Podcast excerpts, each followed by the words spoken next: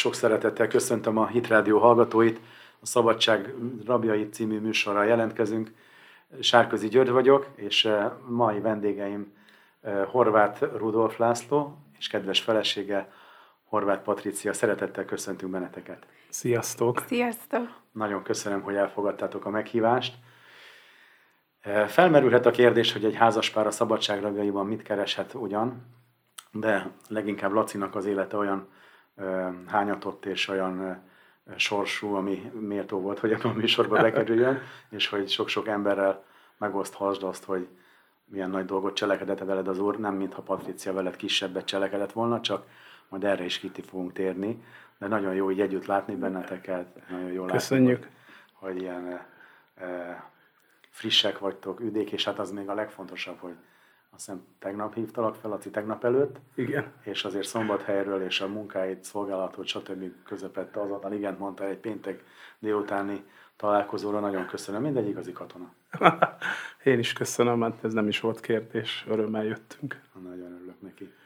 Na, kezdjük akkor, hát nyilván az elején, Laci, a te életeddel, hogy nem titok, hogy ez a műsor a, a börtönszolgálatokról, börtönökről, szabadulásokról, rabságról szól, és te azért szépen kivetted a részedet ebből, a börtönből is, a szabadulásból is.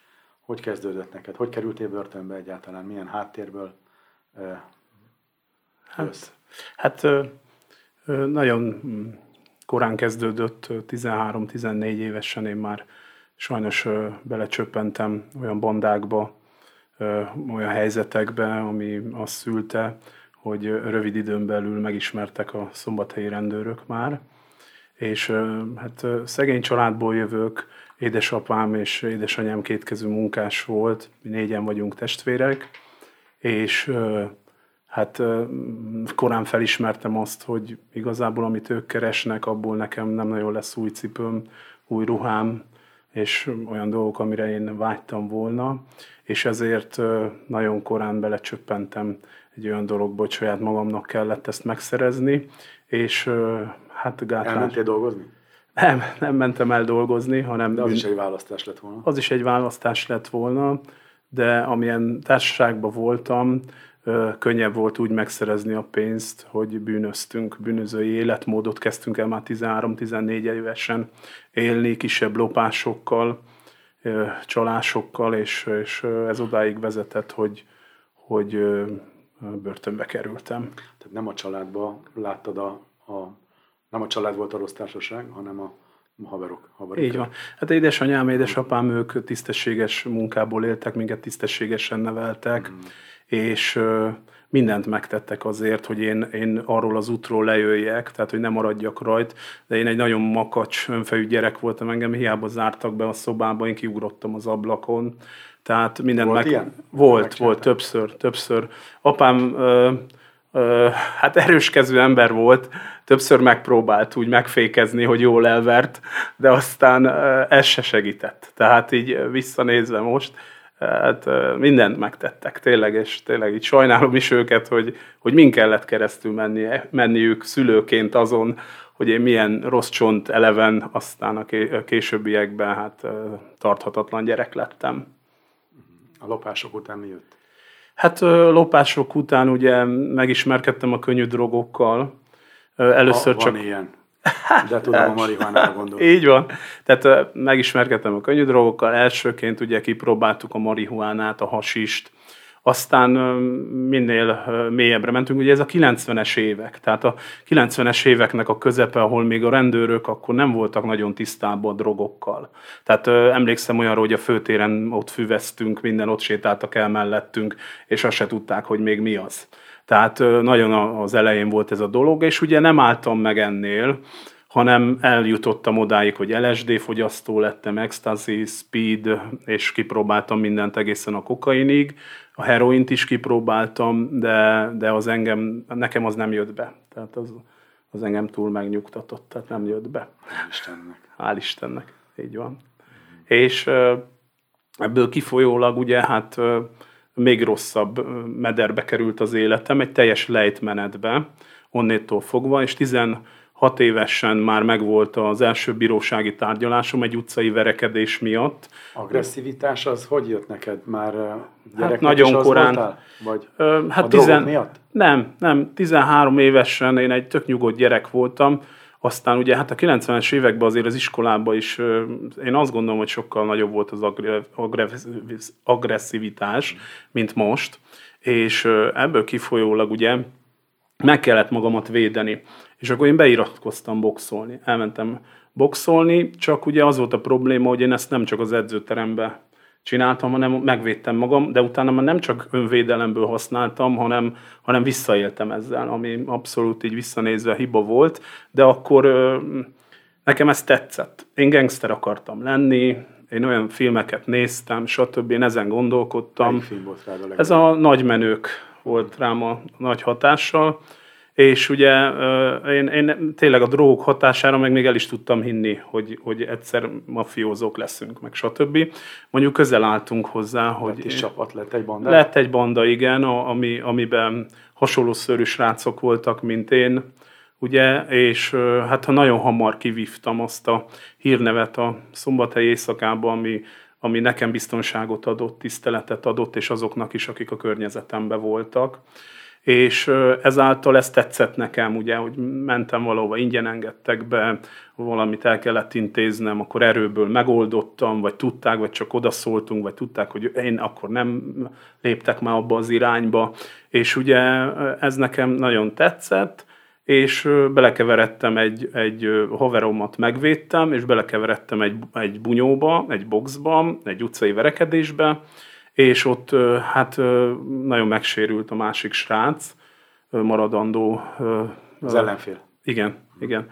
És akkor én ott kaptam egy, egy felfüggesztettet, és akkor se gondolkodtam el igazából. Igazából arra jöttem rá, hogy az én lelkismertem az megszűnt működni. Tehát annyi bűnt követtem el, meg olyan rossz dolgokat csináltam, hogy egy idő után már nekem nem volt lelkiismert furdalásom már életvitelszerűen bűnöző életet éltél? Igen, itt már 16 évesen már mondhatom, hogy életvitelszerűen bűnözői életmódot éltem, és, és tehát minden napjaim azok úgy teltek, hogy felkeltem reggel, reggel, délelőtt 11-kor, elmentem otthonról, jöttek a haverok, beültünk az autóba, csináltuk az éppen azt az okosságot, csibészséget, hmm. ami, ami aktuális, ami aktuális volt. volt, így van, és egész nap drog hatása alatt voltunk, tehát így mentünk, jöttünk, de hát igazából hazaértem, tehát egy semmittelen életet éltem, és ugye szüleimnek ebből nagyon elege volt, mert ők meg ők kétkezű munkából éltek, és odáig fajultak a dolgok, hogy már megloptam őket, tehát nagyon rossz irányba ment ez az egész, de, de viszont soha nem volt ez szóval így visszagondolva nagyon-nagyon jó a szülői szeretet, mert nem volt az soha, hogy ki, ki akartak volna rakni, vagy, vagy bármilyen. És ugye ebből az életmódból ö, fakadóan, hát nekem nagyon stresszes volt a, ez az időszak. Hát úgy kell képzelni, hogy én úgy aludtam ö, minden nap, hogy nyitott ablaknál. Ugye földszinti lakásban laktunk egy társasházban, és ö, nyitott ablaknál aludtam, hogyha jönnek a rendőrök, ugye éjjel kopognak, akkor én már ott volt mellettem a, a ruhám, beleugrok ki az ablakon, és akkor menekülés mert nagyon sokáig ugye figyelték a házunkat, stb., és, és ott álltak a ház előtt, stb., és hát ez, ez, ez, ez így működött sajnos. Uh-huh. Így működött. Meddig működött ez? Hát ez addig működött, amíg utána volt egy nagyobb balhém, és abból kaptam két év, négy hónap fiatalkorúak börtönét, ez tököl. Ekkor voltam, töltöttem be a 18. életévemet, amikor hát megkaptam ezt az ítéletet, ez 28 hónap volt, és akkor be kellett vonulnom, vagyis hát én bevonultam, mert úgy gondoltam, hogy minél előbb túl akartam lenni ezen a... Lett volna lehetőségem arra, hogy elmegyek, bujkálok más országba, stb. stb. De valahogy az volt bennem, meg a szüleim is ugye arra irányítottak, azt mondták, hogy inkább ezt minél hamarabb töltsem meg. Belül én is azt éreztem, hogy ettől meg kell szabadulni, ezt le kell, meg kell, le kell tölteni, és többet nem szabad ilyet csinálni. Tehát így, így voltam akkor, hogy, hogy akkor több nem lesz ilyen, és akkor bemegyek, és akkor bementem. Ez a szombathelyi BV intézetbe kellett bevonulnom, ez egy december másodikai nap volt, tehát karácsony előtt, És hát bevonultam, és akkor találkoztam ott igazán azokkal a dolgokkal, amiről én addig nem is gondoltam, hogy ez, ez van az igazi agresszivitással. 21 személyes zárkába voltam, gyilkosokkal együtt, igazi kőkemény bűnözőkkel. Én fiatalkorú voltam, és addig voltam ott, amíg el nem szállítottak ugye tökörre. Ez körülbelül egy hónap volt, amíg a BV intézetben voltam, 21 személyes zárkába. Ott azért meg kellett állni a helyemet. Meg kellett állni a helyemet, és ugye... Miben nyilvánul meg egy ilyen? Hát abban nyilvánul meg, ezek ilyen apróságokból ö, pattannak ki a konfliktusok általában ott benn. Ugye például volt egy ilyen, hogy ö, emeletes ágyak voltak, ugye, ugye nem nagyon szeretik az újoncokat beengedni az alsó ágyra, mivel ez egy ilyen hatalmi kérdés, ugye, hogy te alsó ágyért boxolsz, vagy nem. Na most akkor álljunk meg. Úgy van az alsó ágy, hogy az egy kényelmi szempont is, mert nem kell fölmászni. Igen. Meg igen. ebben egy presztízs is, hogy Igen, aki igen. nagyobb tekintélyel bír, Igen. azok a foglalják el a legjobb helyeket, tehát Így az van, alsó ágyakat. így van, így van. Fölül vannak a kisebb tekintélyű, Így van, így van. gyengébb. Aha, értem. Így van. És én, én amikor, amikor én Ezek bementem, új dolgok neked, nem, Patricia? Igen. Oké. Okay. ő se tud mindenről. Jobb is, jobb is ez így. Ez így jobb is. Most tudni Ez fog. a korszak kimaradt. Igen. És ö, én erről nem tudtam, hogy ez hogy működik benn, és amikor én bementem, akkor volt szabad alsó ágy. És akkor én szabad a, kényelem szempontjából, hogy mondtad is, én arra pakoltam minden. És akkor jöttek szállításba, és akkor megkérdezték, hogy hát én miért vagyok alsóágyas. Hát hát miért lennék alsóágyas, hát kényelmes, és a többiet ide pakoltam, mert itt maradok. És akkor megkérdezték tőlem, hogy boxolok-e az alsó ágyért és mondtam, hogy hát miért kellene boxolni, meg stb. És akkor egy ö, ö, gyilkos, gyilkosságért volt benne a srác, előkapott egy bicskát, hogy én azonnal takarodjak föl a felső ágyra, mert hogy az, ő neki kell az alsó ágy. És akkor ott ö, egy ilyen két ö, ütéses ö, ütésváltásba keveredtünk, és akkor utána már nem kellett Kiütötte neki az alsó ágy. kettőt? Hát én nem hagytam magam. Tehát Akkor én a... tiéd volt az a kettő? Igen, Jó, tehát én nem. hagytam magam, de viszont utána úgy aludtam, hogy kés volt mellettem. Há, hogy. Tehát, hogy... A bosszút ne álljon, ugye? igen, tehát attól féltem, hogy este, amikor elalszok, oda jön, és leszúr, vagy elvágja a torkom, vagy bármi.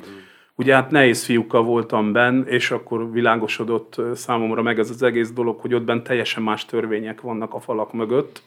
Az erőszak dominál, és azok, akiknek nagyobb karjuk van, mernek boxolni, ütni, és ott szembesültem a csicskáztatással, és ezekkel Mit a dolgokkal. az? Hát a csicskáztatás konkrét... Tudjuk, mit jelent, hogy te hogy élted meg? Hát ugye mit én nem, tud, én nem lettem De, de hogy ilyen, láttad, tehát- hogy láttad, hogy mi az? Mi az? Mit jelent? Hát Tehát másra számolj. mostak, takarítottak, az edényeiket mosták el, összehajtogatták a ruháikat. Ha egyet csettintettek, akkor mondjuk, ha kellett valami a rádió, vagy a cigi, vagy bármi, akkor ők vitték oda nekik, A ők szolgálták. Így van. Ezek a gyengébb fizikumú emberek, vagy, vagy Hát, akiket, akiket megtörnek egy-egy ilyen boxal? Inkább azt mondom, hogy akiket megtörnek, mert én voltam benne olyan sráccal, aki 140 kg izom volt, az félig orosz, félig magyar srác volt, ő a hobbiból került, hobbi bűnöző volt, uh-huh. és bekerültek, és hát most nem akarok hülyeséget mondani, de 60 kilós emberek csicskáztatták. Azt a... Tehát ez igazából a megtört, tehát hogy kit tudnak megtörni.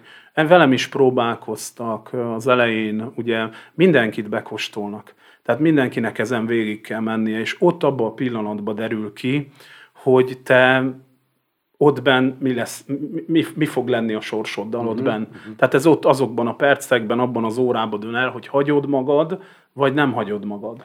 Akkor az alvilágnak vannak szintjei, a- ugye a, a fizikailag szabad élet, tehát a kinti élet, ott az ottani alvilág, a bűnözők, illetve akkor a börtönben még tovább folytatódik ez az alvilág.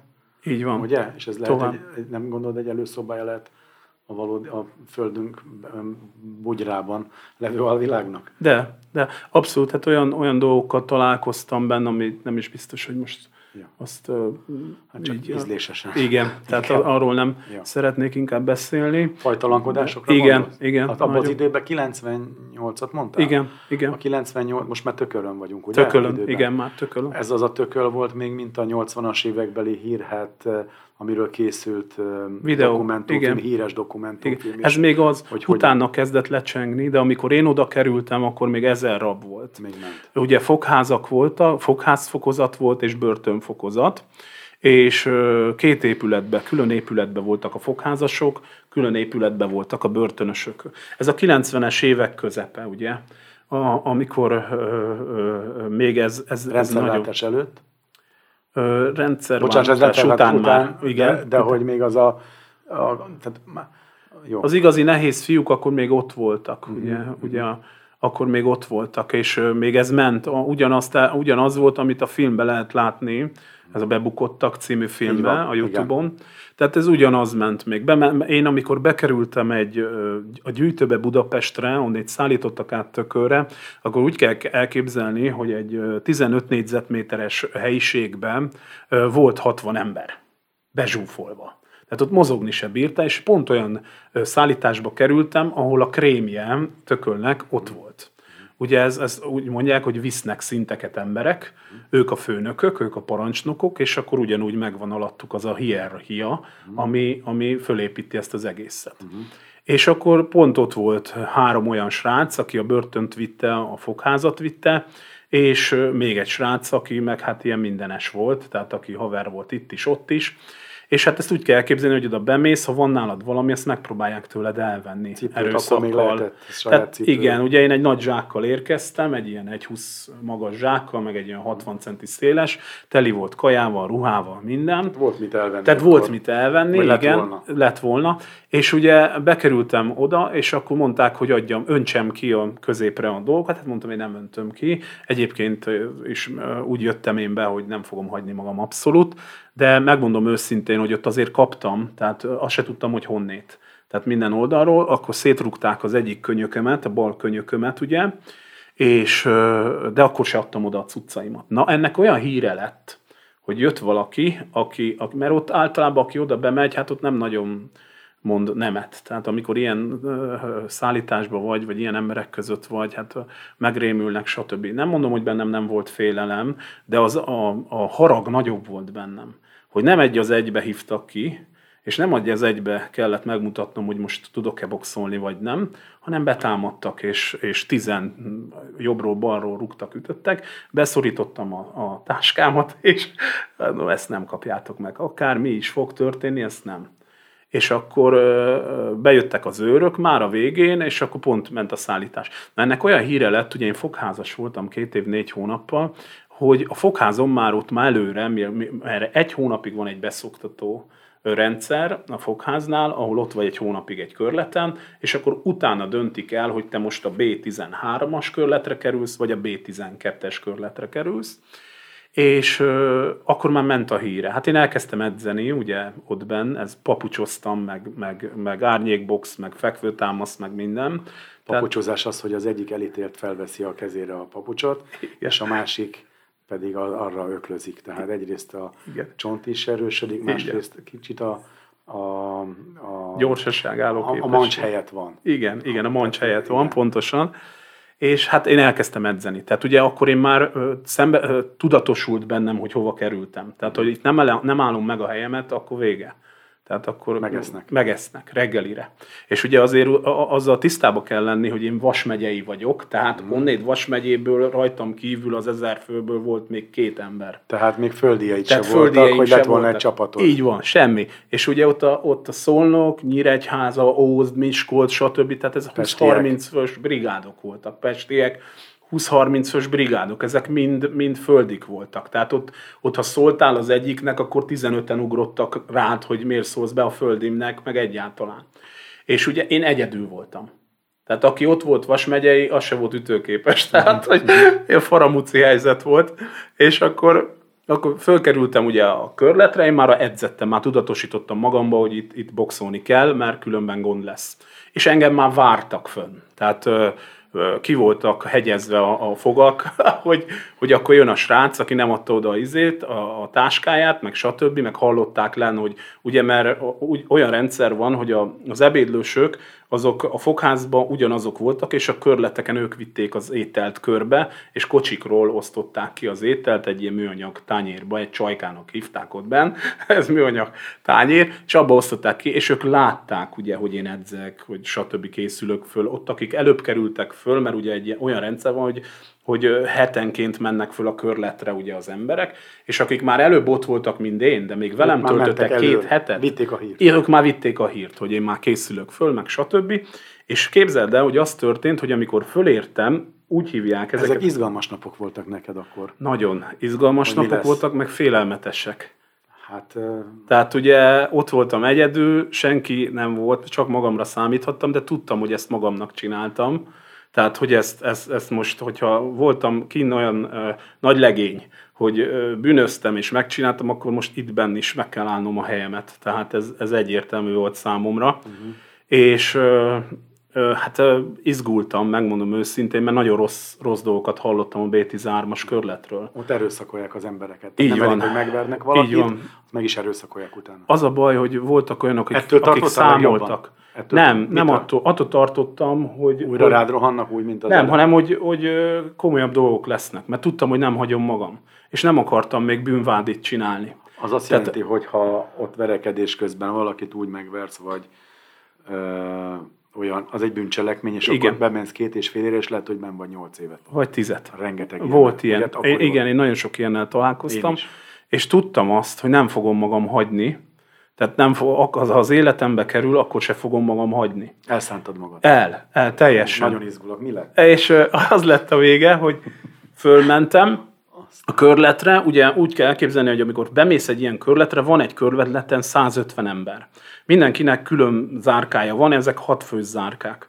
És akkor le van zárva az egész körlet. Oda mész, ugye az őrök ott átnéznek, stb. minden le kell vetkőzni, mindent, és akkor elosztanak téged, beraknak zárkákban. Na most mi úgy kerültünk be, hogy akikkel én ott voltam, az egy üres zárkába kerültünk be, ami, ami hát nagyon illúzióromboló volt, mert fehér, szoba, fehér falak, kosz, mindenhol vaságyak, ilyen régi szivacs, szanaszét szabdalva, tehát ö, Inger szegény. Inger szegény, de nagyon.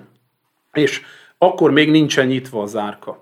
És ugye a jó gyerekek úgy hívták azokat az embereket, akik ütőképesek voltak, meg kiálltak magukért, vagy esetleg bandevezérek voltak, hogy ők voltak a menők, a jó gyerekek, ők egy zárkába voltak. Tehát a 150 emberből 6 olyan ember volt, aki kimehetett akkor is a, a, a folyosóra, amikor más nem ők közlekedhettek bárhol, akkor mehettek el zuhanyozni, akkor mehettek ide, mert az őrökkel is ilyen viszonyt ápoltak. Tehát az őrök Ez se szóltak neki. egyfajta önkormányzat miatt? Tehát az őrök rájuk bízták a igazgatást? Így van, így van. Ő nekik nem kellett veszekedni senkivel, a gond volt, akkor csak szóltak, hogy te figyelj, menjél már be a 13-asba, azt intézd már, hogy uh-huh. ez legyen. Ráadásul ugye az őröknek is ugye be meg volt, tehát a, amikor jött egy csomag, akkor ők ugyanúgy megkapták a doboz malborójukat, stb. Tehát kényelmes volt nekik. Igazából nem kellett idegeskedni, voltak olyan vezérek, jó gyerekek, akik mindent elintéztek. És igazából ezért cserébe, amikor le volt zárva az egész körlet, akkor az a zárka nyitva volt. Értem. És ők mehettek akkor is, a csendes pihenő alatt is oda mentek, ahova akartak. Na, megérkeztünk ugye a körletre, betettek minket ebbe a szobába, én tudtam, hogy ahogy kinyitják a körletet, jönni fognak. Tehát, hogy egyből jönni fognak, és kinyitották a körletet, és jöttek. De nem csak hatan, hanem az egész, az egész ö, B13-as körlet jött megnézni. Mert nagy darab voltam, akkor voltam 130 kiló, és 45-ös kézzel. Tehát ö, volt rajtam felesleg, egy 15 kiló, de azért volt egy kiállásom is. És azért a fiatal korúak között, hát úgy ki, kirívóan nagy voltam uh-huh. a termetre. Uh-huh. És ugye csodálkoztak rajt, hogy hú, ki ez a nagy darab gyerek, meg stb. Magas is voltam, 185 centi, és ugye hát ö, ö, mindenki kíváncsi volt. És egyszer csak megjelentek a menők. És képzeld el, hogy az történt, hogy bejöttek az árkába, és azt kérdezték tőlem, hogy hát miért ebbe az árkába, vagy miért nem jössz át a miénkbe? És én ezen nagyon meglepődtem, hogy nem boxolni kell, azért, hogy stb. És akkor kipróbáltak. Tehát ez egy, ez egy ilyen ki, ö, kipróbálás volt a részükről, behívtak az ő zárkájukba, hogy akkor árnyékboxoljunk, papucsozzunk, stb. Tehát meg akarták nézni, hogy én mit tudok. Tehát élesben nem volt az, hogy akkor egy az egybe kívez. Utána jöttek ilyen, voltak ilyen dolgok, amikor verekedések voltak, három embereket egyszerre verekedni az zuhanyzóba, meg stb. De akkor ott abban a pillanatban csak megnézték, hogy, hogy mi van, és nem egy az egybe kihívtak, hogy azt mondják, hogy akkor gyere, akkor boxoljál. Még ijesztőbb te. Még ijesztőbb. És Nem? akkor behívtak, de én mindent beleadtam. Uh-huh. Szóval megmutattam, hogy hogy kell pörgetni a kezet, és akkor, akkor, ott, akkor ott volt egy nyugalom. Viszont ők rámuszították az őröket. Tehát ilyen szinten ment, és akkor utána még a csicskáikat is rám küldték, hogy én fogdára kerüljek. Tehát, hogy, hogy bekostoltak, folyamatosan küldték. És akkor folyam... Így van, így van. És akkor olyanokat csináltak velem, hogy ugye rámuszították a legkeményebb őrt, a Calvin törzsőrmester volt, ő folyamatos hátasokat adott az embereknek. Az azt jelentette, hogy előre kellett hajolnod, és akkor a hátadat teli tenyérrel. Volt egy 130 kiló ő is, és akkor azért elég nagyot oda tudott sózni, és sokan ott összeestek, stb. minden. És nekem adott egy hátast, és meg sem mozdultam. Fájt, mint az állat. De mondom, én nem rogyok össze, tudod? Annyira fájt, érted? Majdnem beszakadt a hátam, és akkor összerogyni nem, akármilyen láttam, hogy a menő gyerekek azok néznek, tudod, hogy ők röhögtek a markukba rajtam. Uh-huh. És akkor utána volt egy olyan 100 méteres folyosó, akkor kivitettek az őrrel, és akkor azt kellett csinálnom, hogy öt kockánként föl kellett mosnom a folyosót, és öt kockánként kicserélni a vizet. Egy 100 méteres folyosón. Tehát, és végigcsináltam. Ugye én 10 hónap kedvezménnyel mentem be. Ez lett Tehát- a kérdésem, hogy azt Igen. volt mit féltened. Volt mit féltenem. Tehát nem akartam azt, én minél előbb innét szabadulni akartam. Azt kap kedvezményt ugyanis, aki ö, fegyelmi nélkül megúszza. Igen. Tehát itt konkrétan meg kell úszni, nem az, hogy még dicséretet szerezzél, hanem, és ha nem javasolnak a nevelők, Igen. mert egy olyan kialakul körülötted egy olyan, hát mondjam, tényleg egy, az, amit mondta, ezek a nyomások, Igen. akkor nagyon nehéz megkapni a, a Igen, a hát ugye van egy bizottság. bizottság, Van egy, ahogy majd. megítélik, Ja. hogy te alkalmas vagy-e arra, hogy megkapd a kedvezményt. Ugye ez azon is múlik, hogy mennyire látogatnak téged, a kapcsolattartóid azok mennyire jönnek a szülők, és a magaviseleted milyen ott együtt. És hogyha a fegyelmi van, akkor, akkor ö, nagy esélye van annak, ha bár nekem volt, de volt ellensúlyba dicséret is, mindjárt oda is oda fogunk Na. érni. Tehát ö, ö, nem hagytam magam, de viszont arra, arra ugye arra, arra, arra meg ö, elszántam magam, hogy nem, nem fogok minden áron elveszíteni, nem fogom minden áron elveszíteni ezt a Kedvezményt. kedvezményt. Tíz hónap az tíz hónap. Tíz hónap, persze, és az nekem nagyon fontos volt.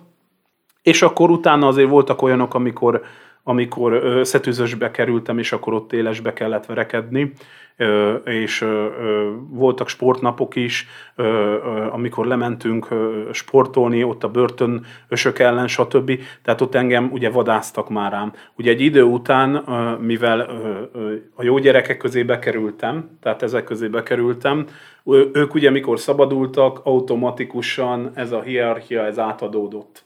És ugye eljött az az időszak, amikor, amikor ott voltam a, a, a, a, a, fogháznak a, a börtön hierarchia csúcsán, és akkor, és akkor igazából már nem, nem kellett, már tiszteletből már, már nem kellett verekednem, nem kellett ilyeneket csinálni. Nagyon sok minden rossz dolgot láttam tökölön, nagyon rossz volt ezeket látni, és nagyon sok mindenkit megvédtem. Ezt akartam kérdezni pont, hogy változott-e úgy a, az a, akkor az a, a börtön, az elítélteknek a vezetője által, ha az más, akkor változott-e valamit a helyzet akkoriban? Változott. Volt rá Vált- hatásod valamelyest? Volt ráhatásom, sőt olyanok is voltak, hogy a gyengébeket már zárkánba rakták be. Tehát a nevelők. Uh-huh. És megkértek, hogy védjem meg. Na most úgy kell elképzelni, hogy egy idő után ö, olyan zárkánk volt, hogy ö, Hollandiából jöttek ugye megnézni a fiatalkorúakat, és ott benn be lehetett rendezni, tehát be volt rendezve virágokkal, akvárium, szőnyeg, tehát ha bejöttél volna, azt mondtad volna egy szoba, színes tévé, stb. Tehát ilyen szinten be lehetett rendezni, ugye lehetett, lehetett üzletelni a nagykorúakkal, és az őrök nem szóltak érte. Tehát nem volt az, hogy, hogy jönnek, és akkor kiszedték volna a cuccokat, hanem, hanem otthoni, otthonias volt már a légkör. És Ekkora már azért átálltál, be, Igen. tehát ott felvetted azt a ritmust. felvettem a ritmust, uh-huh. elmentem dolgozni, uh-huh. tehát nagyon fontos volt, hogy tudtam azt, hogy, hogy dicséreteket kell szerezni, meg én nem akartam ott lenni egész nap a, a körleten, okay. hanem inkább elmentem dolgozni. És ö, ö, kertészként dolgoztam, mi, mi ö, vetettük a, a börtönnek a káposztát, mi ö, vetettük a, a, a paradicsomot, a paprikát, és mi szedtük a barackot, a cseresznyét, stb. Ez egy kertészet volt, és akkor gyakorlatilag ott dolgoztam én. És ö, ö, Hát így ment, így ment. Így mentek a, a mindennapok. A mindennapok, sajnos. Mit, mit számít, mi volt számodra ekkor, ha mondjuk Istent valaki szóba hozta? Mit volt számított neked egy Biblia? Hogyan volt Semmit. Ez Semmit nem volt. Számomra akkor ugye ez nem számított, ha bár volt egy időszak, amikor behozták az evangéliumot tökörre, és akkor az őrök végigmentek a körleten, és kérdezték, minden zárkát megkérdeztek, hogy ki szeretne kimenni, ez egy ebédlőbe történt, és ott a Bibliát olvasni és beszélgetni a Bibliáról.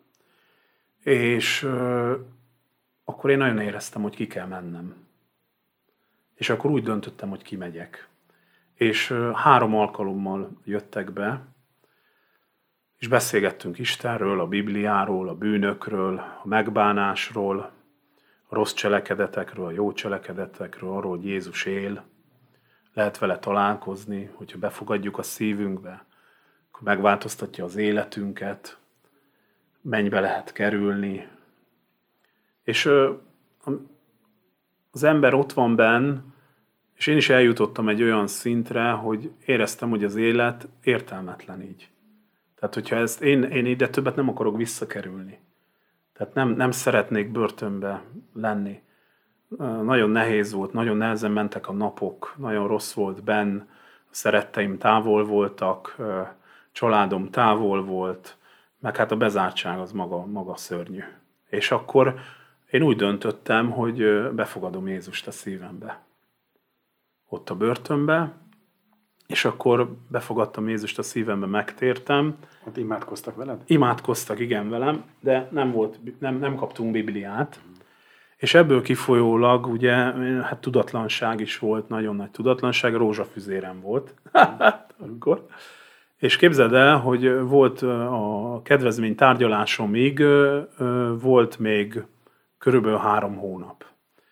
És minden este végig imádkoztam a rózsafüzért, tehát ugye ez egy ilyen jött, senki nem mondott semmit, nem tudtam semmit, azt tudtam, hogy megtértem, és elkezdett benn megváltozni minden, és utána már teljesen megváltozott a viselkedésem is, tehát az agresszivitásom is.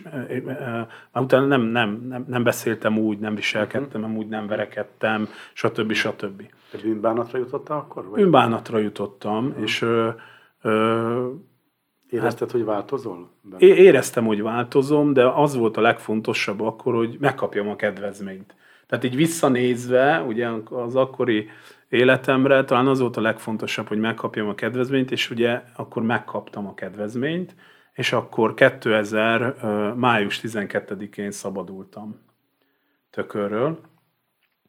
Hazajöttem, visszaestem ugyanabba amiből az életmódba, amiből jöttem. Társaság várt. Társaság várt. Ráadásul egy kipróbáltabb fickó jött. Így van, egy dörzsöltebb, kipróbáltabb fickó jött ki, és visszaestem ugyanabban. És 2000-ben szabadultam. Ez egy nagyon érdekes lehetett az, hogy, hogy feltűnik az életedbe Jézus, be is fogadod, ahogy elmondtad, ugyanakkor kikerülsz, akkor az a társaság visszaszippan, de hát ez nagyon egy meghasonlott Igen. lehetett akkoriban a személyiséged. Az az igazság, hogy ugye én előtte már hallottam az evangéliumot, mert nekem a nagybátyám már akkor tíz éve a hídgyülekezetébe járt. Uh-huh. És engem folyamatosan hívott.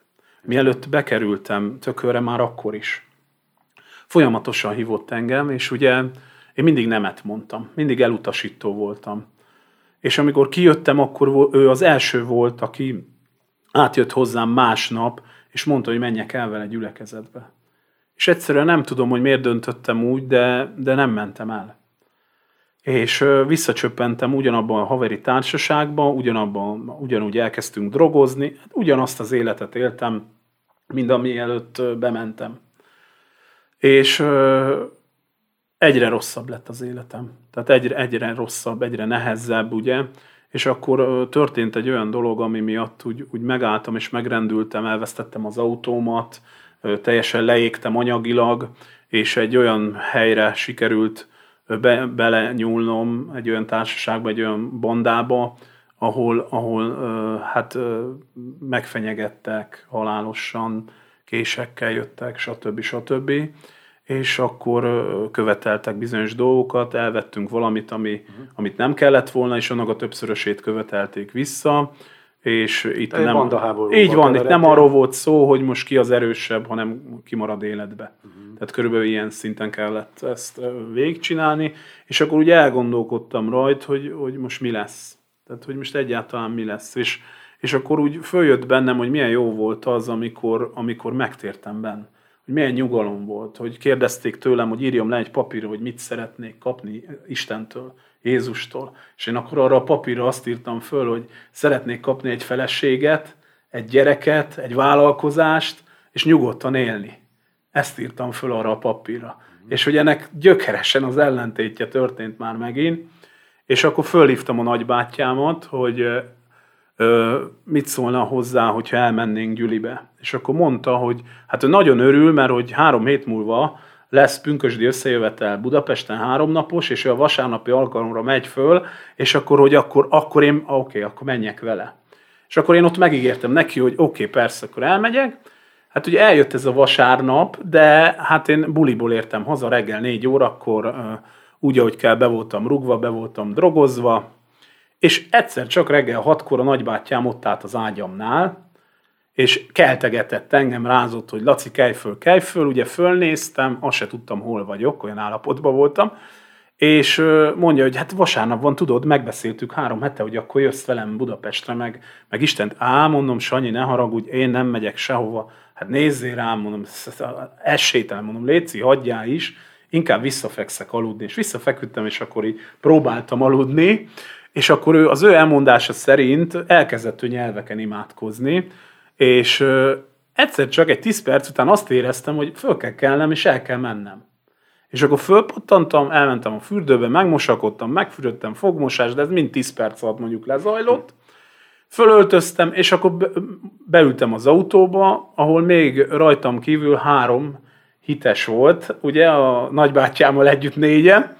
Hát ugye akkor még nem volt, nem volt kész a gyorsforgalmi út Győrig, tehát hosszabb volt az út, és minden, minden ember elmondta a bizonyságát. És én nagyon lefáradtam. Tehát akkor azt gondoltam, hogy hiba volt eljönni, pedig életem legjobb döntése volt. És ö, meghallgattam mindenki bizonyságát, hát mondtam, én többet sehova nem fogok menni, ezt ki se lehet bírni, semmi. És akkor fölértünk Budapestre, és akkor nagyon megdöbbentem. Amikor a hitparkba bementünk, beértünk, leparkoltunk, kiszálltunk az autóból, hogy mennyi ember van. Hogy mennyi fiatal van, hogy roma származások, családok, stb. bőrszintől, hovatartozástól függetlenül ott vannak, és, és mind Isten miatt jöttek ide.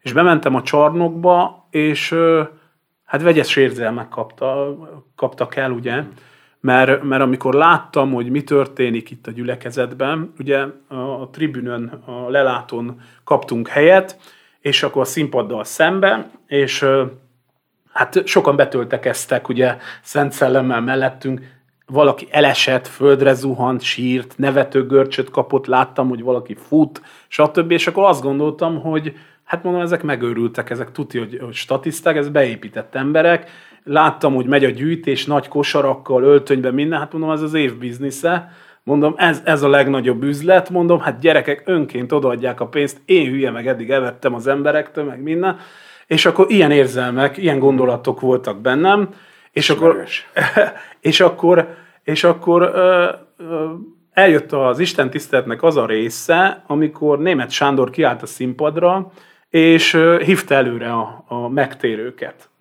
és hát a, a, a nagybátyám ott állt mellettem, így oldalba bökött, hogy na, na, kimész?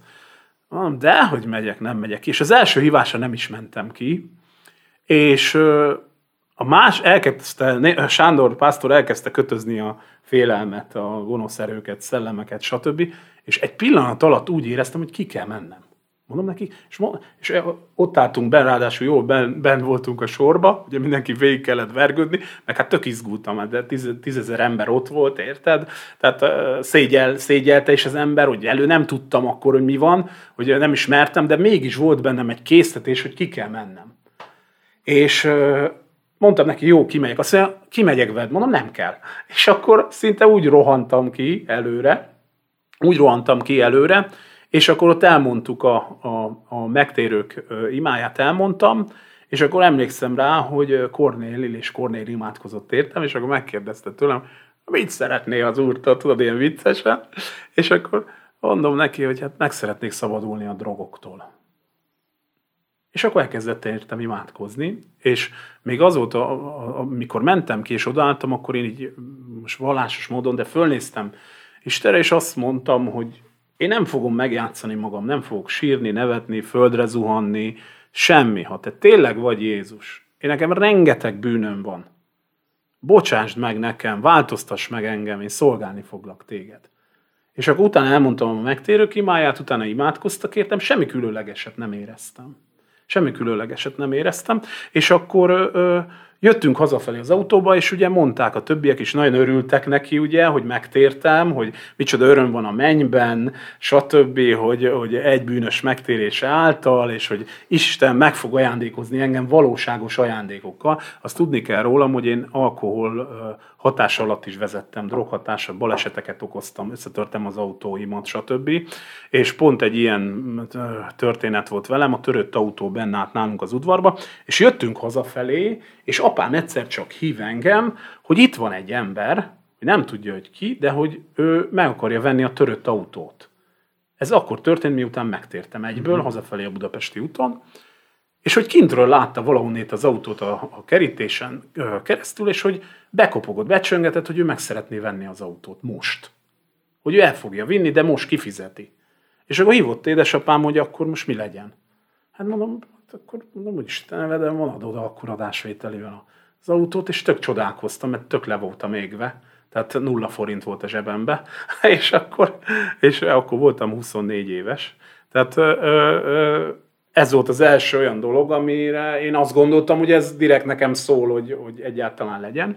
És képzeld el, hogy másnaptól kezdve ö, elkezdett Isten megszabadítani. Társaság még ugyanaz volt. De már, én már nem, tehát szívtuk a füvet, én már nem tudtam beállni, és éreztem, hogy nekem nem kell. Nekem nem mondta soha senki, hogy Laci, megtértél, ezt nem szabad csinálni, azt se szabad csinálni, ezt se szabad csinálni, mert stb. Soha senki nem mondott ilyen, hanem egyszerűen belülről az úr elvette tőlem ezeket és megszabadított teljesen. És a srácok, akikkel ugye együtt voltam már, ugye hát már tiszta, tudták, hogy megtértem, ugye elmondtam nekik, hogy mi történt, és ahogy ez egy hónap leforgása alatt teljesen az úr megszabadított a drogoktól.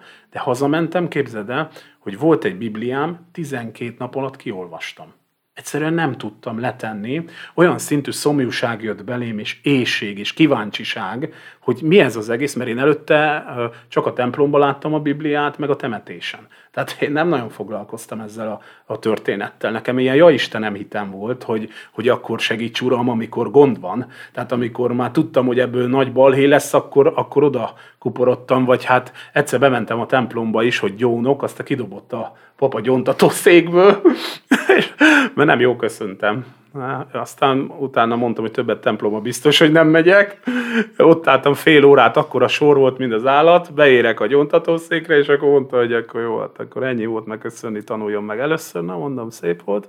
Kijöttem, akkor tudtam, hogy többet templomba biztos, hogy nem megyek, és akkor leborultam így az úr elé, és ugye nagyon, nagyon hálás voltam. Tehát ahogy kezdett megszabadítani, utána elkezdtem tanulni elkezdtem dolgozni. Hát én, édesanyám még ugye csak azt látták, hogy volt egy bűnöző gyerek, aki most éjjel is dolgozott, meg nappal is dolgozott. Mellette elkezdett tanulni.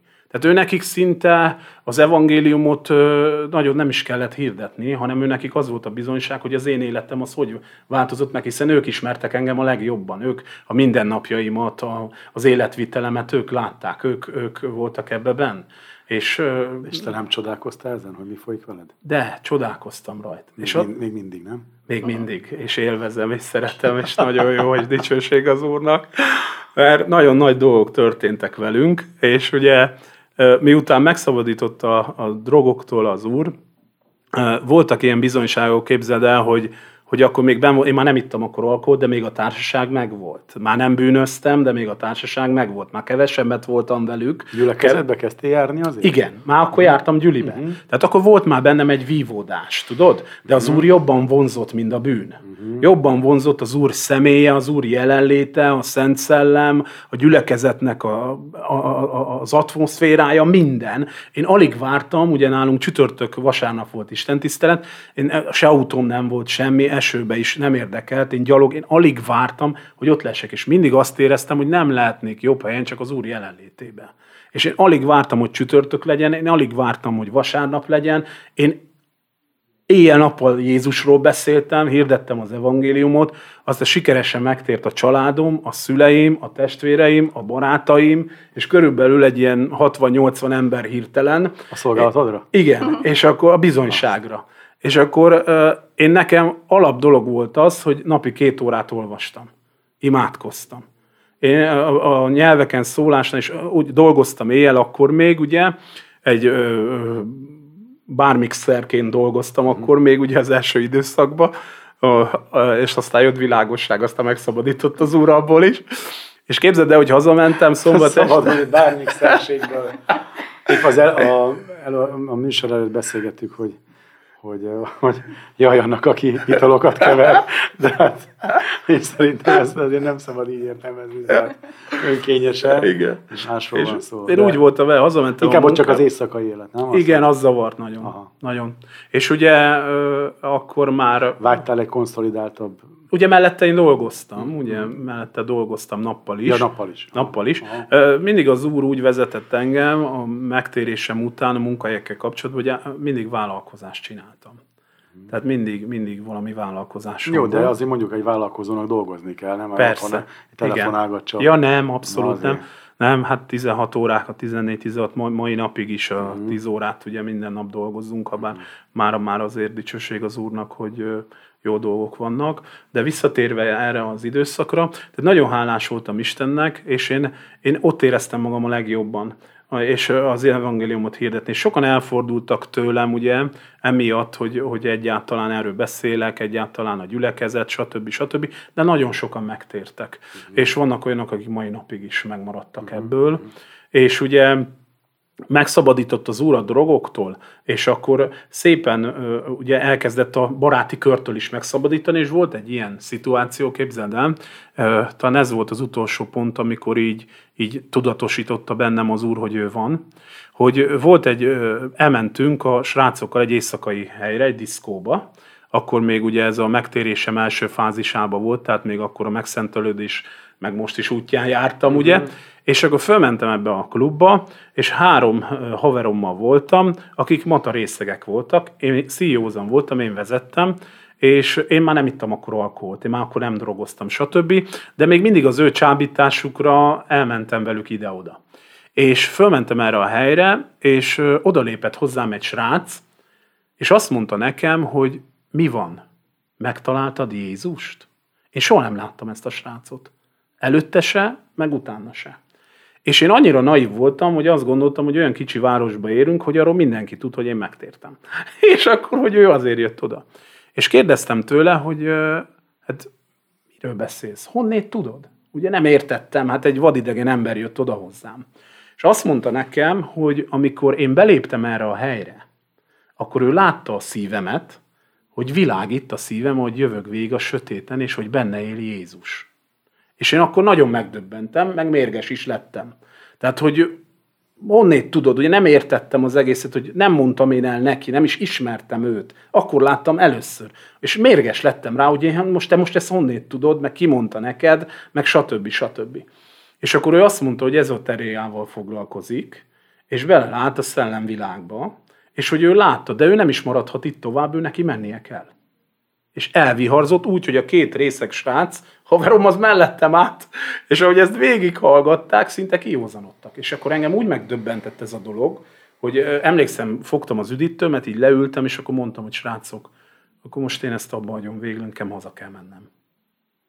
Ugye annyira mélyen érintett meg ez az egész, és az úr annyira tudatni akarta velem, hogy ő igaz, mert voltak bennem kételyek, voltak bennem kérdések, hogy igaz ez az egész, hogy valóban ez működik, valóban, holott már az életemben akkor már működtek dolgok, de az ördög mindig csak el akarta hitetni azt, hogy hát, hogy ez nem igaz, hogy ez nem tört, nem, ne, ne, ne járjak oda, stb. stb. Ne csináljam ezt, és Isten pedig mindig, mindig jött, és mindig bizonyságot kaptam ilyen módon is hogy egyértelmű idegen emberek kijelentettek olyan dolgokat, hogy ez számomra nagyon nagy bizonyság volt, na megdöbbenés is. Nagy döbbenet ez. Nekem is volt egyszer a Deák téren voltunk imá, evangéliumot hirdetni, és egyszer odalépett mellém, de ilyen sátánista emberek, meg ilyen fazonok, hát uh-huh. mindenféle volt, és odalépett mellém, hogy tudom, hogy nyelveken imádkozol. És így nézek rá. De olyan, ilyen szarva volt, meg minden ilyen, hát már meg, meg olyan tetoválások sem. Nagyon ijesztő volt. De csodálkoztam, hogy így működik ez a szellemvilágban, felismerik. Igen. És a, akkor ugye... Itt már imádkozó ember voltál? Itt, itt már kezdtem belelépni, Kezdtél. igen. Akkor már voltak ima alkalmak, én nagyon mm. szégyelős voltam, és hát milyen a, a megtért ember, hát ugye nem is tudtam én nagyon úgy imádkozni akkor még, hogy, hogy hogyan, és inkább hallgattam, vagy csak rövid imákat mondtam, és, és ö, ö, akkor már, miután ez a sztori megtörtént, akkor utána már még jobban elköteleztem magam. Nagyon sok keresztény könyvet olvastam, egy Hát ami, amit a gyülekezet kiadott, Derek Prince, uh, Kenneth Hagin, sorban Német Sándor, tehát én ezeken nőttem uh-huh. föl, ezeken szocializálódtam, Eze, ezek voltak a hit alapjai számomra. uh, Uh, ugye, igen, ámen, dicsőség az Úrnak. Ugye ezeket én, én nekem, minden, nekem az tök természetes volt, uh-huh. hogy ima életet élek. Uh-huh. Uh, Közben meg természet feletti. Igen, így van. És ugye fontos volt, hogy a családomat is meg tudjam menteni, és az úr, az úr nagyon kegyelmes volt ebbe is, pedig édesapám nagyon ellenezte ezt az egészet, hogy én járok, széttépte a Bibliát, képzeld el, annyira Velük volt ellenezte. akkor egy harcod? Tessék, velük, velük volt, volt egy nagyobb harcom. De mondtad, el... hogy megtértek ők is. Meg, de ugye annak volt egy, volt egy előzmény, egy szellemi harc. Az úr engem úgy vezetett, képzeld el, hogy kilenc hónapon keresztül heti kétszer, kettőtörtök részlegesen beütöltem értük. Hogy én meg otthon, mikor nem voltak otthon, akkor megvallásokkal, és hirdettem az evangéliumot, képzeld, az üres lakásnak, hogy a démonok kitakarodjanak onnan, ja, stb., hogy a faterék meg tudjanak szabadulni igen. egyáltalán. És ö, milyen nagy öröm volt, hogy eljött az első istentiszteletre, ez kilenc hónap után, úgyhogy teljesen ellenezte, meg nagyon komoly vitáim voltak vele ebből kifolyólag, eljött az első istentiszteletre, és végig sírta az istentiszteletet, és azt, mondta, azt kérdezte tőlem a dicséret alatt is, hogy, hogy mi ez?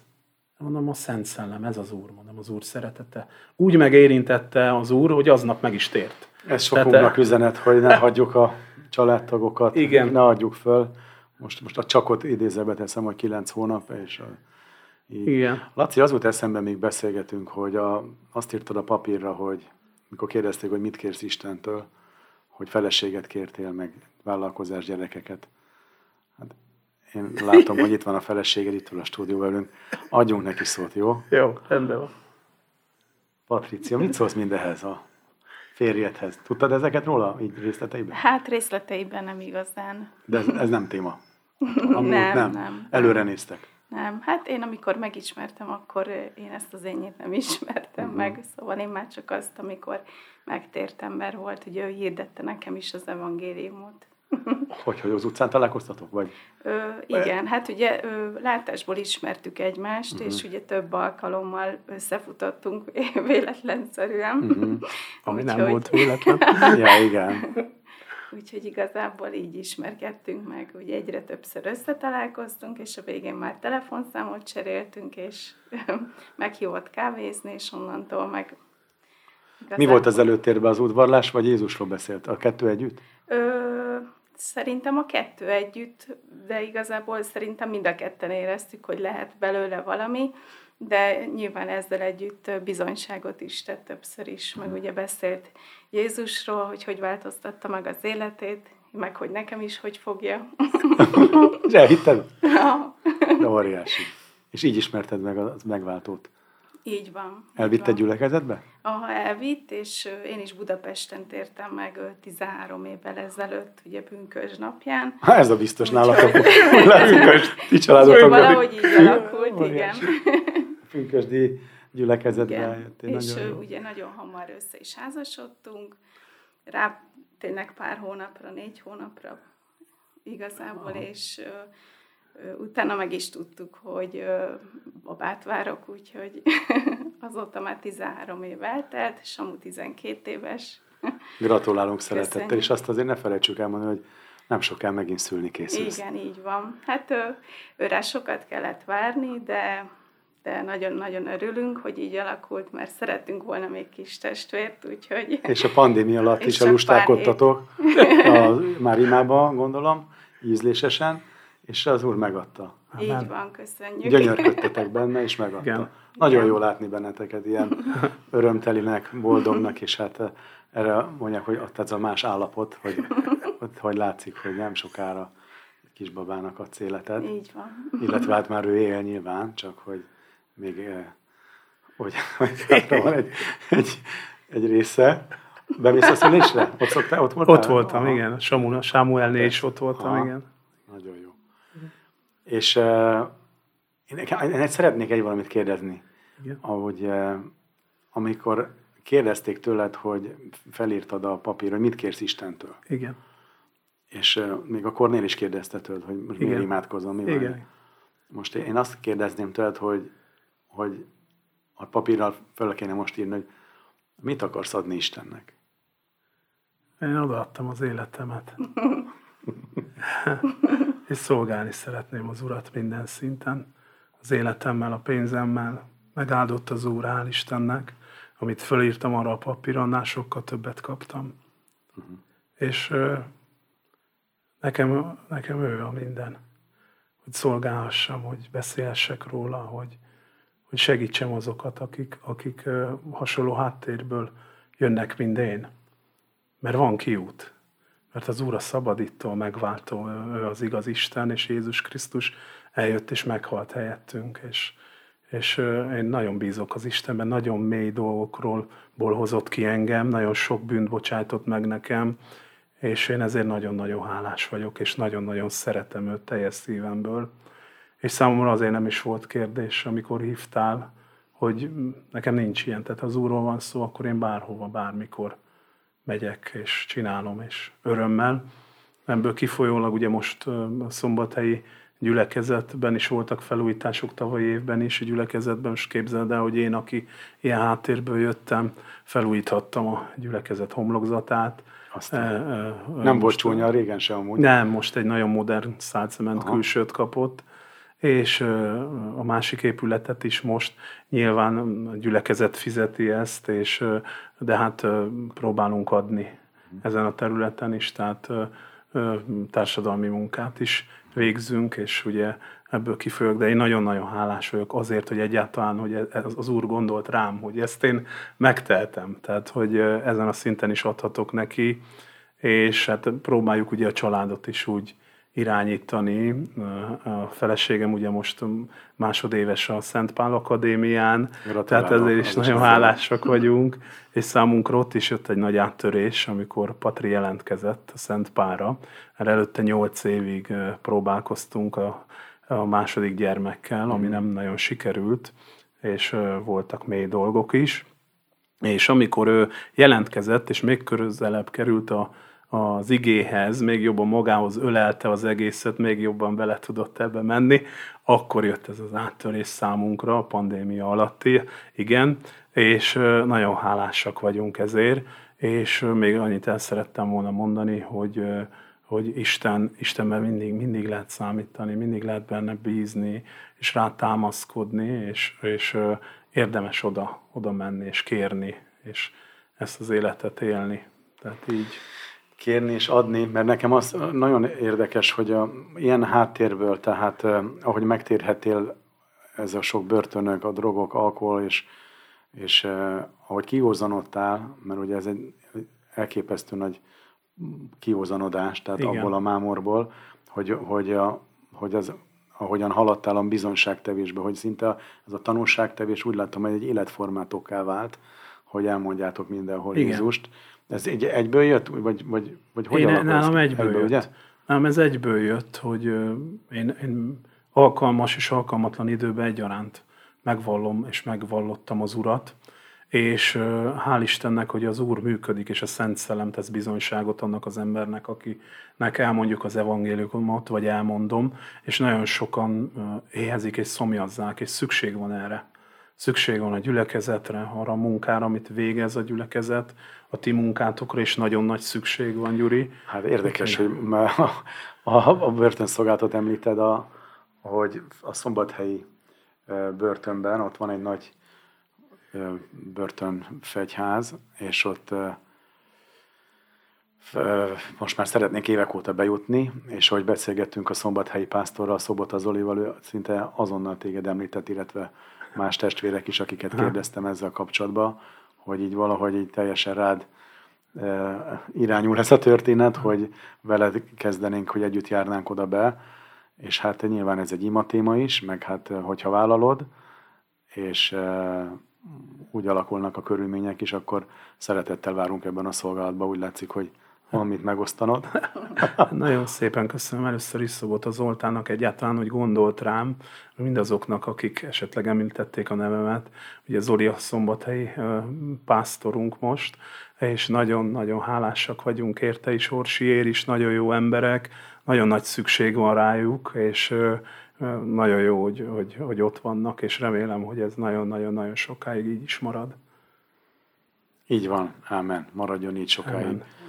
És nekem még az lenne, ami záró mondat vagy gondolatként, hogy, hogy nagyon jó látni, hogy házas párt, akik, akik, akik azt a lehetőséget keresik, hogy hol beszélnek Jézusról. Most oké, okay, hogy ez egy extra lehetőség, hogy egy rádióba, Igen. és akkor jó esetben több ezer embernek előtt lehet beszélni Jézusról, de tudom, hogy ti megragadjátok az alkalmat az utcákon, tereken, munkába, szomszédnál, hentesni, benzingúton, mindenhol. Igen. És hogy én arra kérnélek téged most, hogy tedd már meg, hogy imádkozol, hogy ez a kenet, ez a szellem, ez a, ez a bátorság, ez, ez, ez mindannyiunkon legyen, hogy, hogy merjünk beszélni Jézusról sokan, és kérlek, hogy ezért imádkozz most. Oké? Okay? Jó, rendben van. Kérlek. Drága mennyei atyám, a Názareti Jézus nevében jövök eléd, és hálát adok azért, Uram, hogy a mai napon eljöttem ide, és bizonyságot tehettem rólad, hiszen te vagy a középpontban, és köszönöm neked, hogy elküldted a te fiadat, hogy meghalljon helyettünk a Golgotai kereszten, és hogy fölvigye minden átkunkat, bűnünket, minden félelmünket a Golgotai keresztre, és kifizette az árat, egyszeri, tökéletes és megismételhetetlen áldozatot mutatott be, és köszönjük neked, hogy elküldted a te szellemedet, aki pedig bátorá tesz minket, és bizonyságtevővé tesz minket, és kérlek téged, Uram, hogy akik hallgatják ezt az adást, Uram, érintsd meg az ő szívüket, érintsd meg az ő szájukat, Uram, adj, Uram, az ő szájukba, Uram, erőt, hatalmat, és az ő beszédjük ahogy kimegy a szájukból, Uram, ne térjen vissza üresen, Uram, hanem végezz el mindazt, amiért kiküldöd és kiküldik, Uram, és bátorítsd föl a Te népedet,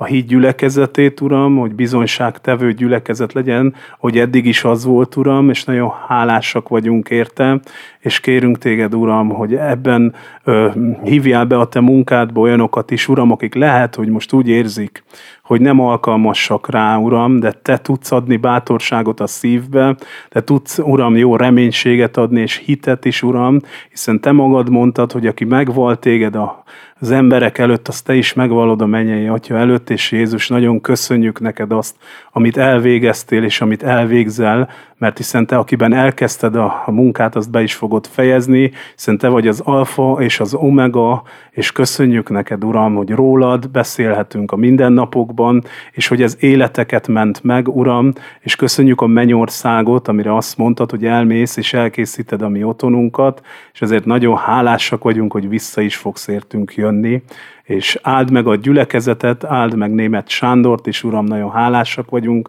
az ő munkájáért, Juditért is, és a vezetőkért is, Uram, és köszönjük a hit forrásait, a hit rádiót, Uram, és áld meg ezt a rádiót is, Uram, hogy minél nagyobb teret nyerjen ebben az országban a Jézus nevében. Ámen. Ámen. Ámen. Halleluja. Halleluja. Jó, hogy, hogy eh, ilyen csodatos Istenünk van, aki hamarosan jön értünk vissza, és addig is teljes pontosságot tudjunk, hogy mi a dolgunk itt a Földön. Így van. Úgyhogy nagyon köszönöm, hogy ebben megerősítettek engem is, illetve a, a reménykedek benne, hogy a hallgatókat is, és köszönöm, hogy elfogadtátok a meghívást.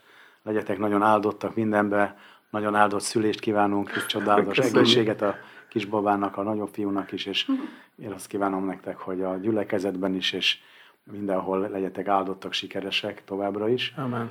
És ezek, hát nagy harcos vagy, Laci, és folytasd ezt a harcot, igen az Úr mindig győzelemre téged.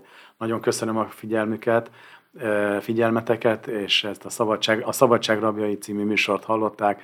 Vendégeink Horváth Rudolf László és Horváth Patricia, és kérem, hogy hallgassák a Hitrádió továbbra is hétfőnként 19 órától a Szabadság rabjait is legyenek áldottak, és minden jót kívánunk. Sziasztok! Sziasztok! Amen!